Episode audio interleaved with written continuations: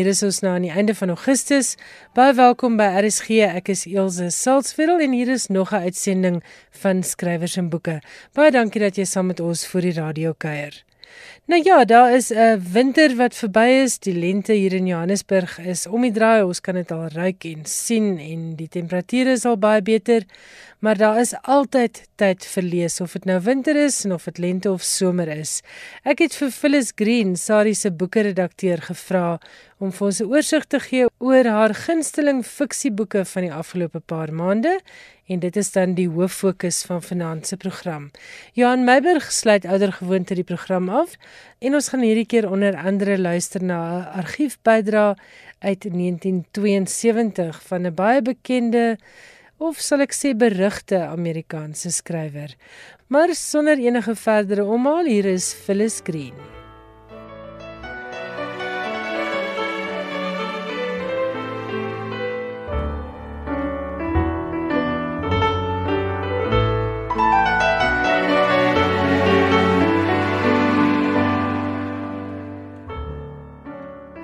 Green is terug by my in die ateljee. Ons het verlede week gesels oor lekker nuwe fiksie wat sy die afgelope paar weke en maande gelees het. Phyllis, vanaand praat ons oor fiksie. So wat is alles op jou lysie? Jong, daar's 'n hele spul Ilse en dit was my nogal moeilik om te kies, maar ek kies altyd die goed wat ek net so lekker aan gelees het. Nou die eerste een en dis 'n boek wat nogal my koppietjie weggeblaas het, was Smit Motors deur Renée Warrington.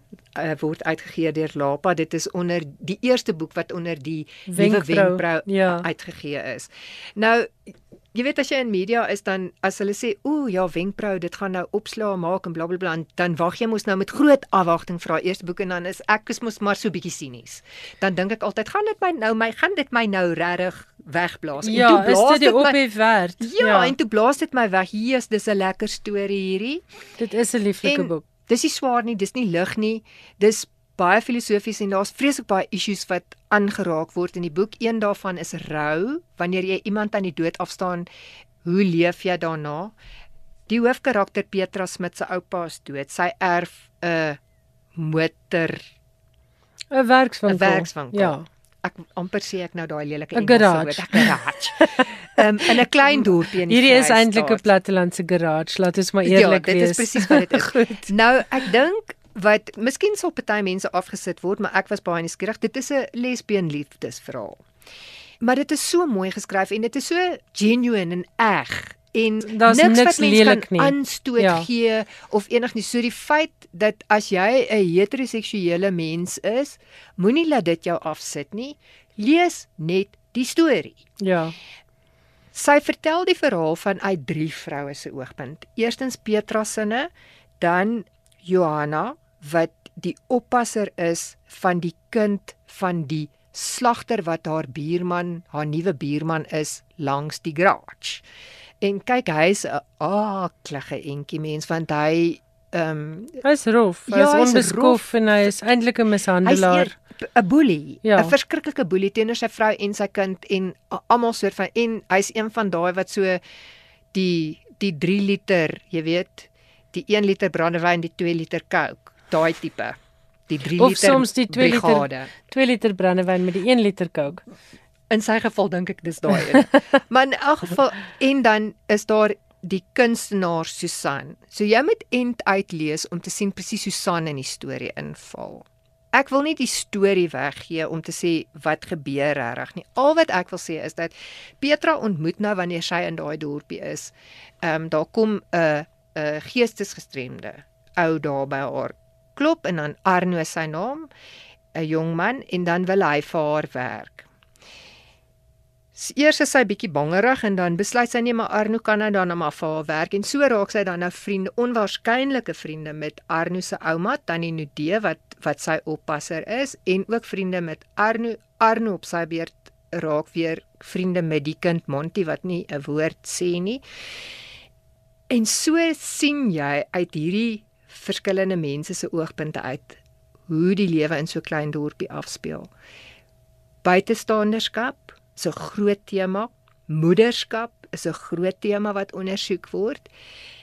Liefde, liefde, die verskillende die, die vrese wat 'n mens het in 'n verhouding, die as jy in 'n verhouding is of jy en jou partner dieselfde doelwitte het met hierdie En vrou drome. en drome Mm. het, jy weet. So ek ek het so lekker gelees aan hierdie boek. Dit was net vir my 'n ongelooflike storie en daar dit is dis glad nie soppie of swaar of enigiets nie. Dit was regtig vir my een van die lekkerste stories wat ek in 'n lang tyd gelees het. En wat ek ook geniet het is sy gaan met al hierdie vooropgestelde uh idees na hierdie dorpie toe. En sy het sommer vooraf besluit hulle gaan haar nie aanvaar nie en hulle gaan definitief haar uitstoot. En sy kry verrassing op verrassing op verrassing. Ja, en ek dink dit is wat vir my so verfrissend was van hierdie verhaal. Dit is so 'n menslike verhaal. Jy weet, daai ding, ek dink wat dit ook by my tuis gebring het is dit, dat dikwels leef 'n mens in jou eie kop en jy het vooropgestelde idees oor goed van wat gebeur, soos wat Petra ook maar gehad het.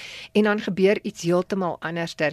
En hoe jy soms as jy uit jou gemaksone uitbeweeg, hoe jy regtig 'n verrykende ervaring Mm. in jou lewe kan hê. En ek wil net sê hierdie boek is 'n verrykende ervaring. Lees hom. Goed en dit is Phyllis Green wat so entoesiasties raak oor Smit Motors, geskryf deur Renée Warrington en uitgegee deur Lapa.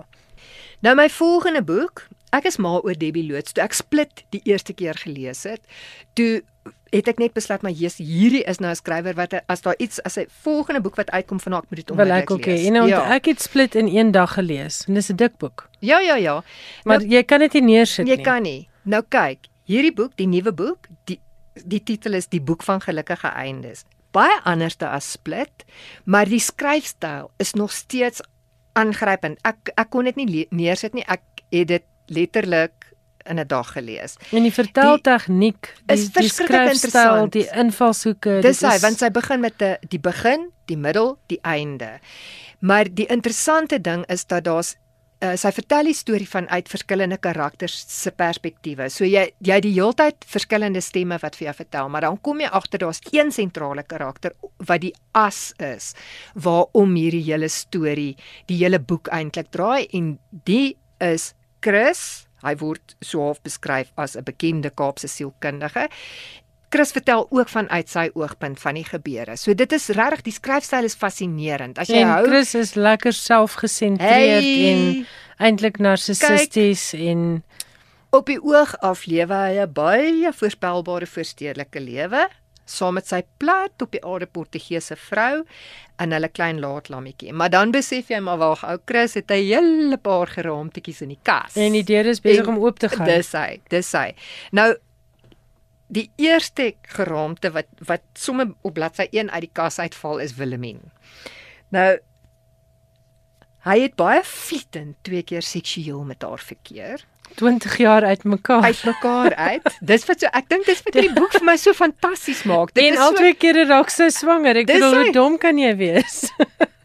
en dan ja, hy vang haar elke keer met dieselfde ou sop storie. Selle slaprem en sy kan dwarsteer die boek eintlik um, neem sy haarself verskriklik kwaadlik dat sy Ja. twee keer vir dieselfde leen geval het. En die interessante ding is hy weet nie of hy besef nie eers daar's twee kinders wat, wat sy kinders is en hy's 'n ma en hy's salig onbewus daarvan, maar dat hy sy saad wyd gesaai het is is 'n feit. As jy die storie lees dan sal jy dit sien. Nou Wilhelmine besluit sy sien hom op televisie. Nou sy's in 'n hele ander provinsie as wat hy is.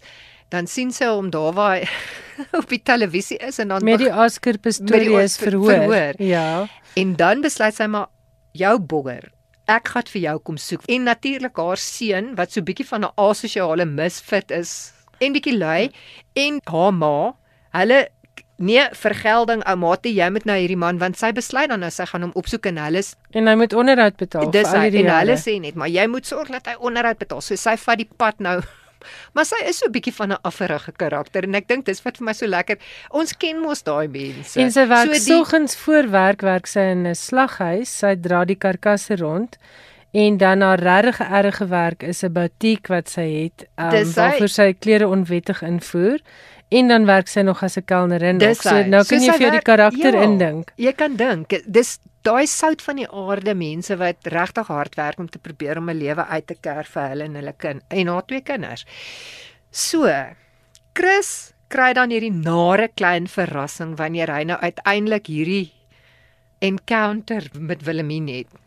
Dan En daar's 'n revolver betrokke. En dit was. 'n baie amusante toneel daai gewees. Baie. Maar dan van die ander karakters wat ook fascinerend is is Chris se eksvrou Connie is ook een van die mense wat in die verhaal figureer en sy is nou in ook in 'n lesbiese verhouding met haar en nou wil sy kom raad vra by Chris want Chris is mos nou die sielkundige oor haar verhouding. Ek meen dit is eintlik so ironies en dan is daar Chris se pel wat afgelê word by sy werk en dan doen hy vryskut en dan raak hy op die ou einde deel van die storie. En dis ook 'n lekker en 'n interessante storielyn. Dan staan kunstenares en daar's 'n kunstdosent. 'n kunst en dan kom jy agter maar hoorie hier's 'n snaakse ding wat hierdie klomp connect met Chris maar dat wraak ook 'n baie interessante ding is. So ja, dit is ek dink dis 'n uitdagende lees as ek dit so kan stel. Dit lees tog baie lekker. Dit lees nie moeilik nie. Ek dink as jy eers as jy verbykyk dat dit elke keer uit iemand anders se se oogpunt is want ek dink party mense is net nie gemaklik om so te lees nie so ek kan verstaan as hulle gaan sukkel vir my was dit net ek kon dit nie neersit nie. Vir my lê die charme juis in die feit dat dit uit verskillende hoeke vertel word. En dat dit anders mm. is. Dis dis anders en en die menslike emosie en die goed wat daai mense gedoen het, dit was vir my regtig fascinerend. So Julle moet maar self lees om te sien wat gebeur met Chris. Ek Debbie skryf wanneer sy begin met die boek dan eh, gebruik sy 'n aanhaling van Orson Welles. If you want a happy ending, that depends of course on where you stop your story. En die leser bly die hele tyd wonder wie van hierdie stories, watter van hierdie karakters se storie gaan 'n gelukkige einde hê. Dis hy. Nee, dit was 'n fascinerende storie. So dit is die boek van gelukkige eindes en dis Debbie Loots dit word uitgegee deur Quellerie.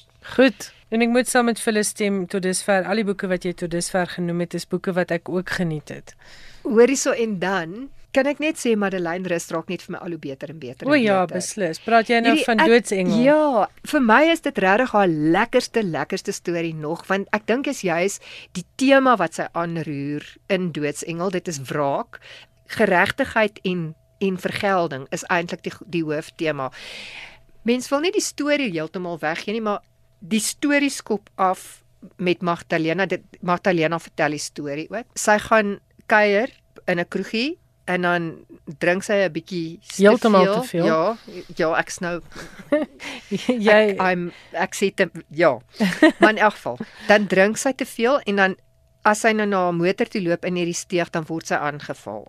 Sy weier dan om verkragt te word. So so sy beklei verskriklik terug en in die proses kry sy 'n skroewedraaier in die hande en dan is die verkragter nou natuurlik nie meer nie. nie meer nie. En sy is 'n sielkundige? Dis reg. Sy kom kyk sy sy het ook maar 'n moeilike kinderjare en agtergrond mm. gehad en so en so daar ek dink baie van die goed wat Magdalena doen is juis om te vergoed vir tekortkominge mm. wat sy in haar lewe gehad het. So maar sy het dit nou baie wel in die lewe. Goeie praktyk, goeie inkomste, do the good deeds, dis hoe sy Maar is. sy kan nie bekostig om weer op 'n koerant se voorblad te dis wees reg. nie. So sy kan nie. Nou die aand wanneer sy dan nou aangeval word, kom daar 'n sergeant deploy, Linda deploy aan om haar te help. Ek wil so graag hê mense moet lees hoe die hoe, hoe sy gehelp word. Ja, hoe sy gehelp word want, want ek, dit is die kruks van die storie. Van die, ons kan nie, nie ja, ons kan dit nie weggee nie, ja. Al wat ek kan sê is daar's nog 'n polisiebeampte uh kaptein Viljoen natuurlik aantreklik en van die manlike geslag en hy is die teenpool van Sergeant Deploy as ek dit so kan stel. En hierdie twee polisiebeampte speel op die ou einde 'n baie belangrike rol in Magdalena se lewe. Maar dit was 'n boeiende boeiende boeiende storie want ek dink wat 'n mens aan die einde van die boek het jy daai besef maar wat is vergelding En, en wie wie, wie die reg? wie die hmm. reg? Hmm. Wie mag wie mag wraak neem en hoe leef jy daardie tyd dan weer saam? Dit was vir my 'n baie baie fascinerende boek gewees juis oor hierdie tema van vergelding want ons lewe in 'n samelewing waar ons baie keer voel misdadigers kom weg met goed. Is daar dan geen regverdigheid nie? Is daar nie justice nie om die Engelse woord te gebruik wat amper vir my meer omvattend is? En dan wonder jy wat sou gebeur het as jy reg in eie hande kon neem. En 'n boek soos hierdie is 'n baie baie versoberende lees want jy besef hoe baie dinge kan verkeerd loop ja. as vigilantes reg in eie hande begin neem. Net so.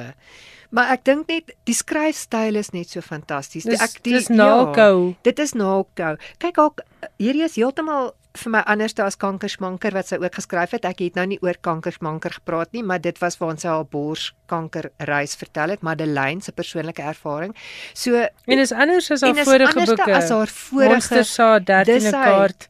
Ja, en lamterslagting wat Want hier is 'n heel nuwe karakter maar ook. Maar hierdie dit voel vir my amper of Madeleine hier in 'n ander dimensie ingaan met haar skryfwerk, nê. Nee. Ek stem saam met jou. So dis 'n moet lees vir alles jy hou van misdaadfiksie. O, beslis, beslis, beslis is. Dis Doodsengel deur Madeleine Rust, uitgegee deur Lapa Uitgewers.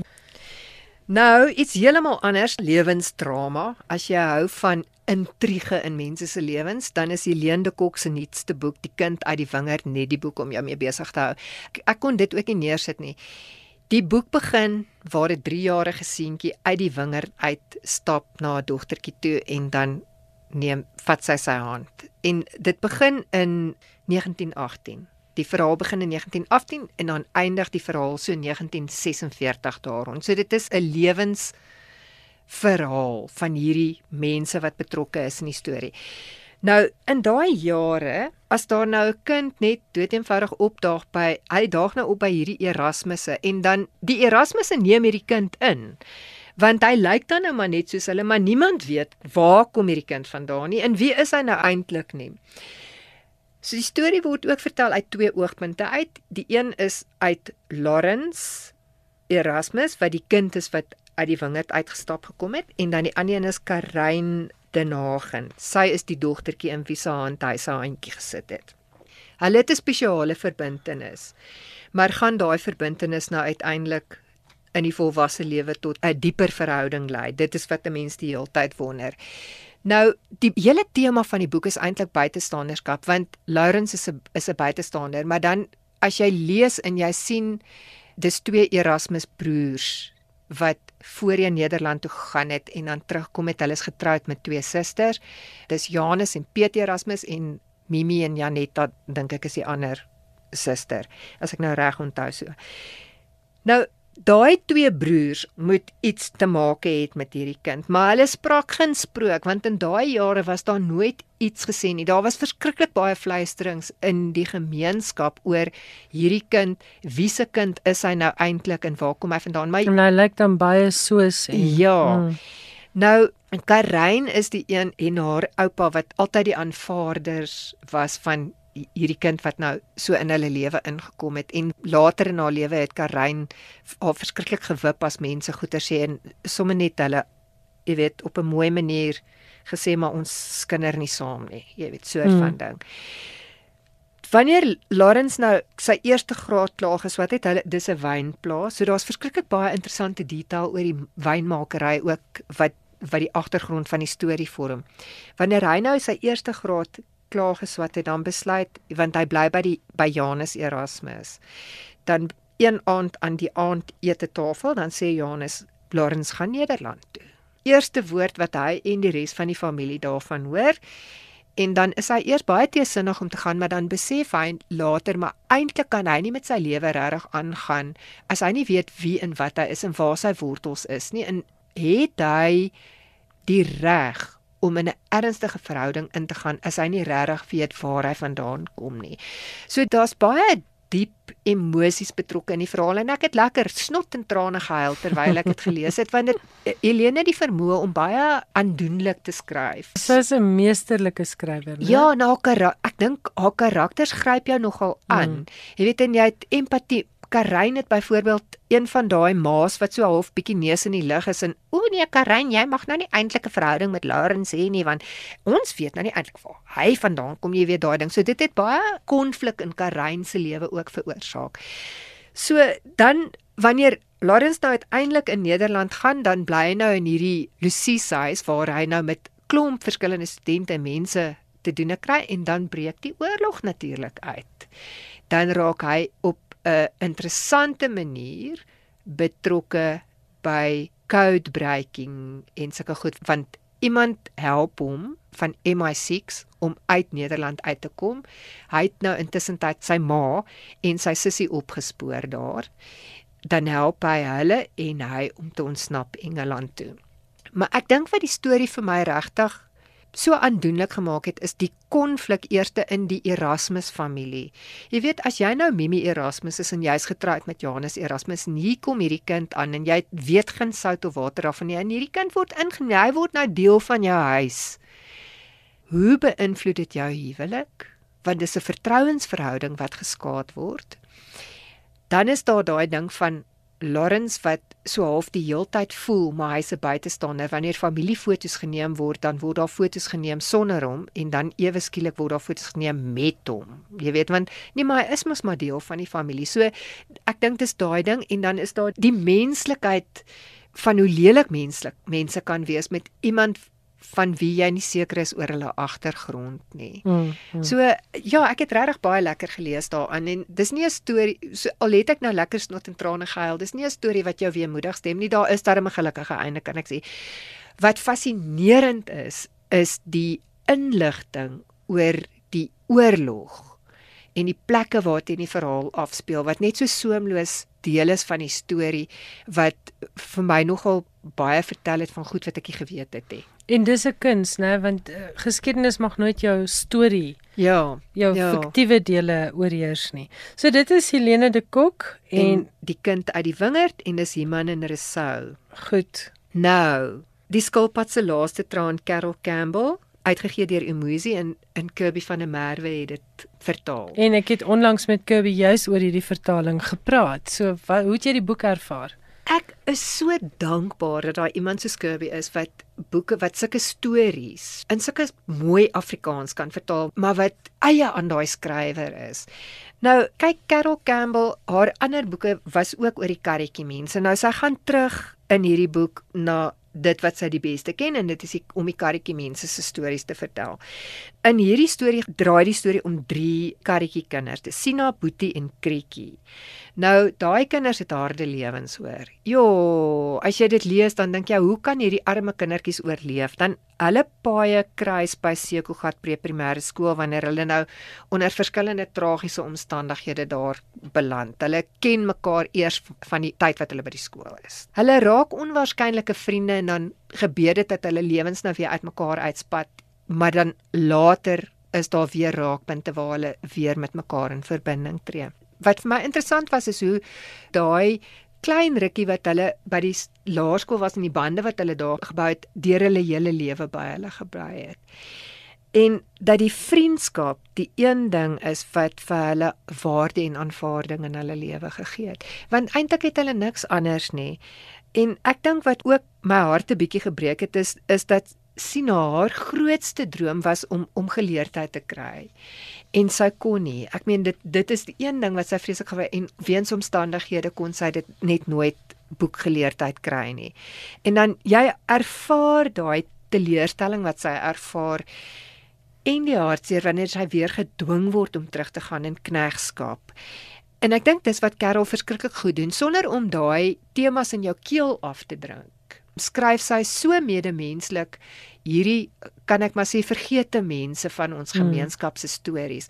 En dan natuurlik die simboliek in die verhaal wat regtig soos die wysheid wat die mense uit die die skulpad se trane in Karoo kry en daai so dit was regtig vir my nog al ek weet nie hoe om te sê nie dit dis asof daai storie die heeltyd sulke stukkies in jou kop bly draai. Dis iets wat jy nie regtig vergeet nie dit raak mense ongelooflik diep en ook omdat die karretjies mense is op sigself buitestanders. Hulle hoort nêrens. Ja, ja en en dat hulle so oef, daai bestaan is net ek meen dis boomskraap slaap hier onder 'n mm. bos en daar en, en op 'n manier bly hulle voortbestaan, nê? Nee? Mm, mm. Ja nee, ek ek het die boek ontsettend baie geniet. Uh so dit is die skulpad se laaste, laaste traan en is Carol Campbell en is Umuzi. 'n Boek wat ek nou in hierdie afgelope 2 weke gelees het wat aansluit by Carol se stories oor die karretjie mense is Lisa Albertine Toy se debuut eh, storie Die kinders van die spookwerwe. Dis 'n lieflike boek, né? Kyk, ek dink die mense moet verskriklike groot aksie verwag in hierdie boek nie. Dit begin so half met 'n 'n baie ingrypende en groot gebeurtenis en dan vertel dit net die verhaal van hierdie familie Kalimpies. Nou dit is ma, pa en Milano en die tweeling wat klein babatjies is. En oom Geelsuiker? Oom Geelsuiker, maar oom Geelsuiker is nie familie nie. Nee, maar hy hy, maar hy hy figureer familie. Ja. Ja, wel hy's daai daai familie wat jy wens was familie Ja, van jou. ja. Oom Geelsuiker is soort van die fixer van Mm. probleme. Nou, ek dink wat my so geroer het van die verhaal, dit is dis weer 'n st- storie oor buitestanders want hulle is arbeiders op 'n plaas in die Karoo en ek dink uit hoe hierdie storie vertel word, kom jy net agter hoe karig hierdie mense lewe en dat hulle ten spyte van ekonomiese omstandighede en die die swaar las wat hulle dra uh, om net te kan oorleef dat daar 'n liefde tussen hulle is en 'n medemenslikheid waar hulle tog mekaar help soos oom Geel Suiker wat wat 'n fantastiese karakter is. Ek meen hy was ook down and out en die Kalimpies het hom soort van gehelp om weer Mens te emosioneel mens te Mm. word. En ek dink hy doen dieselfde vir hulle. Ek wil nie die storie regtig weggee die goed wat gebeur nie. Maar ek dink wat 'n mens bybly is dat hierdie mense het drome. Is regte mense. En dis mense en hulle mag droom.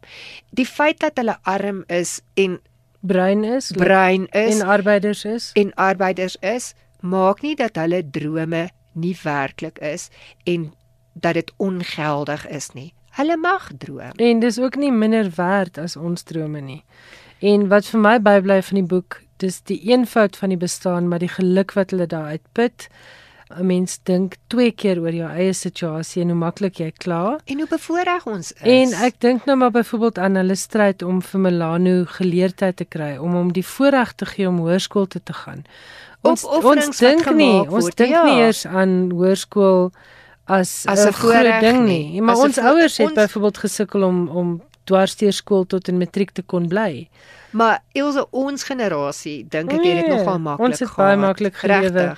En soos jy nou sê, dit is nie 'n page turner in die opsig van hier gaan 'n groot ding weer gebeur nie. Dit is regtig 'n storieboek. Dis 'n storieboek en sy skryf verskriklik mooi die beskrywende dele waar Milano in die veld is, die goed wat hy oplet, jy weet, die dik op se babetjies, klein kykentjies, al daai die die natuurbeskrywing. Dit is En pragtig. Nou, dit is regtig Mm. pragtig. So ek ek dink as jy hou van van 'n storie wat baie menslik geskryf is en wat mooi geskryf is, dan lees gerus Die kinders van die spookwerwe deur Lisa Albertyn de Tooy en dit word uitgegee deur Iman en Rousseau.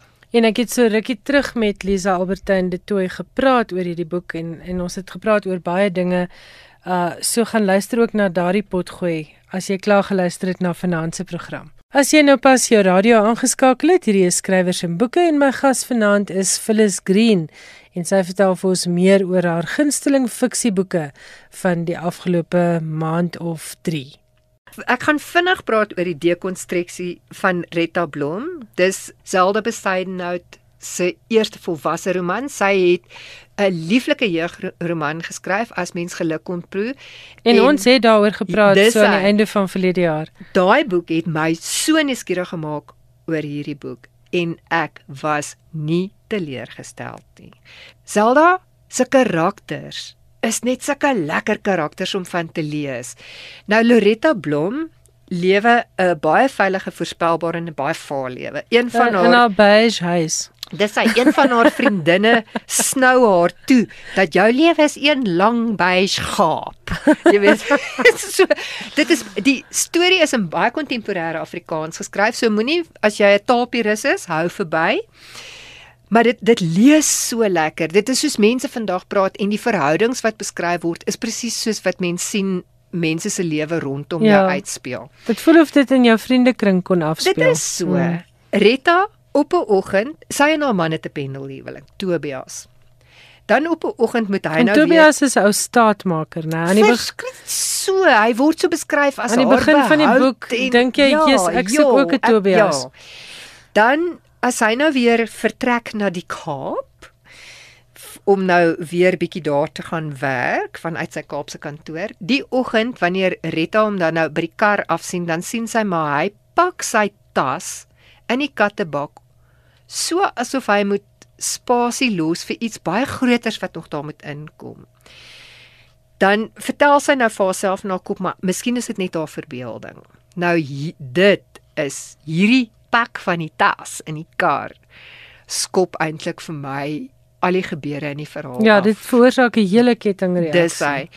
Maar uh, Soos jy kry daai oplossing vir daai ding eers reg aan die einde aan die van die einde. boek. Dis hy. En ons gaan dit nie weggee Nee, nie want dit is so lekker, maar sy haar speurwerk onthul dan stelselmatig, maar daar's baie ander goeters wat nie in haar huwelik eintlik sin maak nie. En ek dink wat so lekker is van die boek is dat Retta dekonstrueer haarself eintlik. En sy moet besluit, is ek nou maar net Tobias se vrou? Is ek nou maar net die ma van my twee seuns of is ek meer? En in die proses van die ontdekkingsreis van wat in haar huwelik aan die gang is, vind Rita haarself dan op die ou einde. So daar's baie interessante temas wat aangeraak word, soos huwelikstrou, 'n kind-ouer verhouding, selfs godsdiens, as jy verskil van jou hoe jou kind glo, ehm um, selfverwesenlik, uh vriendskap baie sterk tema in die verhaal en dan ook aanpasbaarheid. Dit is regtig ja, dis 'n deernisvolle verhaal. Dis Mm. mm. eintlik al wat ek kan sê, maar ek het dit verskriklik baie geniet en ja, Dit lees lekker. verskriklik mm. lekker. So ja, as jy graag so storie met baie drama wil lees, dan lees jy die dekonstruksie van Rita Blom deur Zelda Besaidnou. Dit word uitgegee deur Kwela. Goed. Dan in vandag se dae dink ek is grondeienaarskappe baie ehm um, dit kan 'n baie vlambare onderwerp wees, maar ek dink dit is 'n baie relevante onderwerp wat nie noodwendig altyd in kontemporêre literatuur aangeraak word nie. Ek dink dit word baie in nie-fiksie aangeraak en, dit word so terslyk soms in 'n storie aangeraak, maar Jeanette Ferreira pak hierdie ding in bloedlelie. Haar boek wat uitgegee is deur Lapa Ferreira. Wat vir my interessant was, is kyk ek ken Jeanette as as 'n iemand wat skryf wat geskiedkundige stories skryf. Daar's altyd 'n halfe uh, van haar vorige goed het gegaan oor die Anglo-Boereoorlog En oor die En- groot trek. groot trek en so aan. Nou, op 'n manier gaan sy so bietjie terug na haar wortels toe met daai want hierdie hou ook verband met geskiedenis want sy vertel die verhaal in twee storielyne. Die een is 'n hedendaagse storielyn wat vertel word deur Hanna wat die hoofkarakter is. Haar man is 'n spesialis getuie in grondeise sake en dan sy reis nou saam met hom na grondeise na howe en Na plekke waar daar hofsaake Mm. nou is. Die tweede deel van die verhaal word vertel uit die oogpunt van Magdalena Retief. En in daai deel van die storie En sy is die vrou van Piet Retief Piet Retief. wat by Ungungun hy. om die lewe gebring word deur Dingaan se mense. So wat baie interessant is, is ek het hier geskryf, dit moet ek vir jou lees want want dit is eintlik nogal vir my 'n gekompliseerde boek om op te som. So Jeanette Ferreira se eerste roman in 11 jaar ondersoek grondeienaarskap aan die hand van Piet Retief se onderhandelinge oor grond vir die trekkers met die Zulu koning Dingaan en dan huidige grondeise soos ervaar deur Adrian, die historikus kom argeoloog, sedert onlangs ook spesialis getuie in grondeisake dit haal ek aan uit die boek. En hy is Hanna, die hoofkarakter se man. So jy leer die geskiedkundige deel van daai onderhandelings van Piet Retief deur die verhaallyne en dan eh, in die kontemporêre deel van die storie ehm um, Hanna en ehm um, Adrian gaan so half terug op die Retief se trekroete want Hanna het 'n fascinasie daarmee want sy stel verskriklik belang in Magdalena Retief. Dan kom hulle op hierdie plaas Doringkop waar hulle met die boer kennis maak want daar's 'n monument uh, wat opgerig is vir Retief se laaste staanplek voor sy tog na Dingaan se kraal. Die boer vertel hulle dan dat sy vrou die vorige jaar net voor Kersfees in 'n aanval op die plaas vermoor is. So dit is daar's verskriklik baie ehm um, Kwessies. kwessies, kwessies wat geraak word en ek dink wat die verhaal by my tuis gebring het en ek dink wat Jeanette baie goed gedoen het is dat sy gee 'n stuk geskiedenis lewe in die ja, eerste sy plek sy kry dit goed En- reg. en 'n baie uiters relevante verhaal vir die tyd waarin ons is. Besitreg van grond is onder die soeklig. Ek meen dit is 'n feit. En wat sy doen is sy kyk vanuit die wit en die swart perspektief en sy kies nie kant nie. Die storie kies glad nie kant nie. Wat die storie by jou los is dat grondeienaarskap 'n baie komplekse kwessie is en een wat nog baie lank deel van die huidige debat gaan wees. Die bloedlelie natuurlik deel van die storie is ook baie intriguing, maar dit kan mense nou self lees. Ja, hulle moet self lees. So dit is ehm um, Bloedlelie deur Janet Ferreira en dit word uitgegee deur Lapa Uitgewers. Goed. My laaste boek waaroor ek wil gesels vanaand is Die vrou van die klippe see deur Mek van der Merwe wat uitgegee is deur Umuzi. Kyk as jy die boek begin lees, jy is soos Hendrik wat die kreefsmous is vir die hoofkarakter is. Aanvanklik weet jy nie wat is regtig en wat is nie regtig nie. ja, jy wonder is, is, is hierdie verbeelding is, is dit verbeelding of is, of is dit nou regtig wat gebeur? Nou Hendrik is beswaard want sy mooi jong vrou het in die see ingeloop. Hy sien nie meer sin in die lewe nie.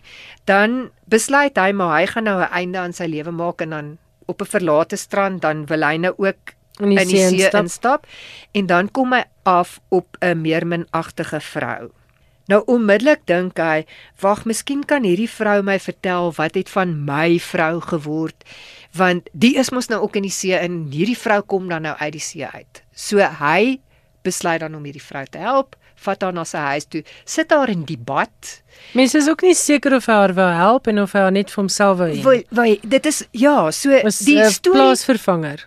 Toer so eintlik 'n bietjie met hmm. jou kop, nê? So dan ek dink wat vir my so mooi is van die storie is hy's 'n bietjie van 'n loner. Nee, hy meng nie eintlik vreeslik met die ander mense nie, veral nadat hy nou met sy jong vrou deurmekaar geraak het, het hy hom half onttrek van ander mense in die gemeenskap en so aan en nou ewe skielik kom daar weer mense terug in sy lewe. Hy leer opnuut van vriendskap en ondersteuning. En ek dink dis nogal vir my 'n mooi tema van die boek ek weet nie eintlik wat moet ek vir mense sê oor presies waaroor hierdie boek gaan nie. Ek weet net dit is so mooi geskryf en die storie begoochel my die heeltyd want dit ja, want jy is nie seker of jy hier te doen het met werklikheid of of en fantasie nie. En of dit in sy kop ja. afspeel nie. Uh, kyk, die die een ding is Hendrik het verskriklik baie skuldgevoelens nou en ek dink dit is die ding wat my laat wonder oor hoeveel is in sy kop en hoeveel is nou regtig goed wat gebeur. Want ons weet almal dit is iemand so 'n uh, obsessie het met sekere goed, dan kan dit dalk dalk nie 'n storie wees. En later weet jy nie meer wat is werklikheid of fiksie in jou eie lewe nie. Dis hy. En ek dink ook 'n tema van hierdie boek vir my was die Engelse uitdrukking careful what you wish for. Presies, want jy weet nie wat jy gaan kry nie. Daai meer min is nie noodwendig 'n meer menie en daai vrou met wie jy getrou het is nie noodwendig wie jy gedink, gedink het sy, sy was nie. Ja. ja. En dis ook in pragtige Afrikaans vertaal deur Kirby van der Merwe en ek moet vir jou seker die boek het vinnig gelees, lekker gelees en dit was ook 'n bietjie 'n anderster kykie na die lewe in 'n vissersdorpie want ons is geneig om dit te verromantiseer. Ek dink almal wil 'n ou huisietjie by die see hê mm. want dit is maanskyn en rose en perfekte sonsondergange, maar ons weet eintlik min van die die oorlog hier agter die skerms vir vis en vir kreef en en daai ja, ek dink dit is so. En ek dink dit gee jou ook die geleentheid om vanuit 'n uh, minder bevoorregte mens se oogpunt te lees oor daai gemeenskap. Ja, so Ilse, dit is 'n klomp uiteenlopende stories wat ek gelees het, maar ek moet sê ja, ek sal graag weer iets van Meg van der Merwe wil lees en ek sien uit na iets wat ek hoop die volgende boek is net so bekorend soos die vrou van die klippesee. Baie dankie Phyllis Green. Ons het so lekker geluister na alles wat jy te sê het oor boeke. En ons praat definitief voor die einde van die jaar weer. So werk maar so lank aan jou Kersleeslys hê maar ek lees verwoed Elsje soos wat jy weet. Skrywers en boeke. Alles wat jy oor die boekewêreld wil weet en meer. En soos die gebruik in skrywers en boeke is, sluit ons die program af met Johan Meiburg. Hy's by my in die ateljee. Johan, goeienaand. Hallo Ilse. En vanaand het jy 'n uh, interessante klompie uiteenlopende goeters jy skop af met die African Writers Conference. In Junie 1962 is die eerste African Writers Conference by die Makerere Universiteit in Kampala in Uganda aangebied. Hoewel daar na die konferensie tweespalt was onder meer tussen Engelssprekende skrywers en Franssprekende skrywers op die vasteland, staan die konferensie steeds uit as 'n mylpaal in die vasstelling van wat presies die letterkunde van Afrika sou wees. Die konferensie Conference of African Writers of English Expression is bygewoon deur skrywers soos Chinua Achebe, Wole Soyinka, Christopher Okigbo, Ngugi wa Thiong'o en Kofi Awunor. Die Suid-Afrikaanse afvaardiging het bestaan uit Eskiel Mpashlele, Blouk Modisani, Louis Nkosi, Dennis Brutus en Arthur Maimane. Dit was 'n byeenkoms van skrywers van lande wat nog vir onafhanklikheid geveg het of wat besig was om voor te berei vir 'n nuwe lewe na wit seggenskap. Een van die verskilpunte op die konferensie was die kwessie of Afrika tale gebruik moet word soos voorgestaan deur iemand soos Ngugi of Europese tale voorgestaan deur iemand soos Soyinka of albei. Bykans 60 jaar later word weer so 'n soort konferensie, ook genoem 'n literêre fees beplan, die keer in Nairobi in Kenia van 27 tot 29 September. Die geleentheid word gereël deur die Makondo Book Society, 'n nie-regeringsorganisasie in Kenia, en is in die lewe geroep deur die joernalis Anya Bengelstorff en die skrywer Ivan Abiambu Owor. Makondo is 'n fiktiewe plek in Gabriel Garcia Marquez se roman 100 Years of Solitude, 'n plek waar magiese goed kan gebeur. Die tema van die Makondo konferensie is Reimagining Africa's Histories Through Literature. En skrywers van reg oor die vasteland woon die geleentheid by. Sover ek kon vasstel is die enigste Suid-Afrikaanse deelnemende skrywer op die lys, Johnny Steinberg.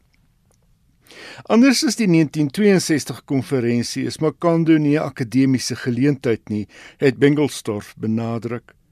Dis 'n geleentheid om skrywers van verskillende lande waar verskillende tale gepraat word te ontdek. Dis letterkunde wat ons byeenbring. Die Keniaanse skrywer Pieter Kimani het gesê die byeenkoms is 'n geleentheid om te bepaal of daar vordering was in letterkunde uit Afrika veral met 1962 se konferensie in gedagte. So wat dit is 57 jaar later. 57 jaar. Ja. Sure.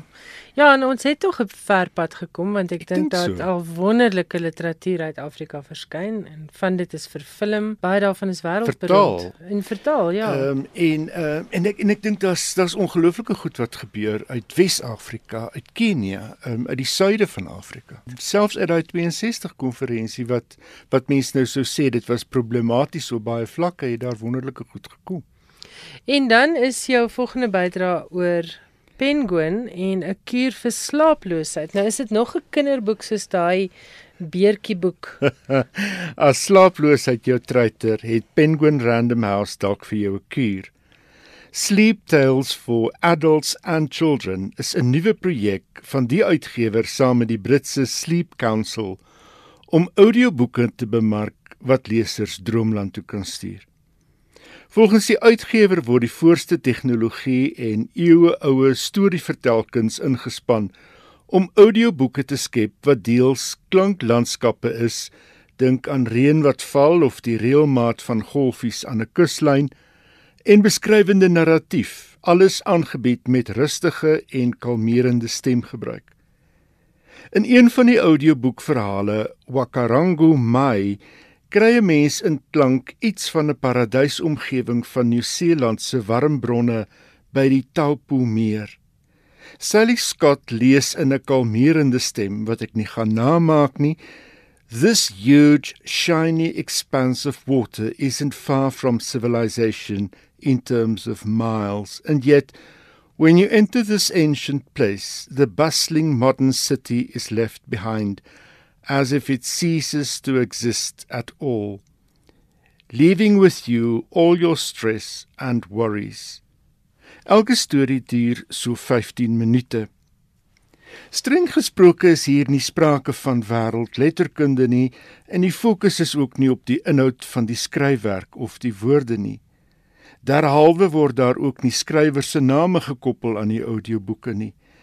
Dis eerder die kombinasie woorde, die rustige stem en die klankontwerp wat die rustige lui moet skep. As jy wil slaap, is dit immers nie stimulerende leesstof wat jy in gedagte het nie. Dit klink vir my of jy dit beproef het. het jy nie? Nee, ek het nie. Ja, oh, so dis net 'n baie goeie beskrywing ter wille van die luisteraars. Nee, dis nog nie uit nie. Dis nog nie beskikbaar nie. Dit kom nog. O, oh, okay, goed. En dan is daar iets oor Charles Bukowski. 16 Augustus was die geboortedag van die Amerikaanse skrywer en digter Charles Bukowski. Hy sou 99 gewees het. Hy is in 1994 in die ouderdom van 73 dood. Bukowski was die digter wat ruiterlik erken het hy het geen gedig heeltemal sober geskryf nie. Hy was die digter wat Time in 1986 genoem het the laureate of American lowlife. Sy skryfstyl was vars, dikwels wars, sulke kort gelade kartetse geskoei op randfigure in die Amerikaanse samelewing, veral Los Angeles waar hy gewoon het. Duisende gedigte, honderde kortverhale en ses romans het tot stand gekom. Sy sukses as digter het eintlik gekom via sy vennootskap met John Martin van New Sparrow Press, wat alles wat Bukowski neergeskryf het, aanvaar het teen 'n maandelikse tarief. Uit die omvangryke nalatenskap van Charles Bukowski, die voorlesing van sy gedig Style, die opname is in 1972 gemaak in San Francisco. Style is the answer to everything. A fresh way to approach a dull or dangerous thing. To do a dull thing with style is preferable to doing a dangerous thing without it. To do a dangerous thing with style is what I call art. Bullfighting can be an art. Boxing can be an art. Loving can be an art. Opening a can of sardines can be an art. Not many have style. Not many can keep style. I have seen dogs with more style than men, although not many dogs have style. Cats have it with abundance. When Hemingway put his brains to the wall with a shotgun, that was style. Or sometimes people give you style. Joan of Arc had style. John the Baptist, Christ, Socrates, Caesar, Garcia Lorca. I've met men in jail with style. I've met more men in jail with style than men out of jail. Style is a difference, a way of doing, a way of being done. Six Hurons standing quietly in a pool of water, or you walking out of the bathroom naked without seeing me. En dit was die stem van Charles Bukowski. Uh die opname soos Johan sê is regtig oud. Dit kom uh uit die argiewe 1972 gemaak. Johan, baie dankie. Ons gesels dan volgende week weer.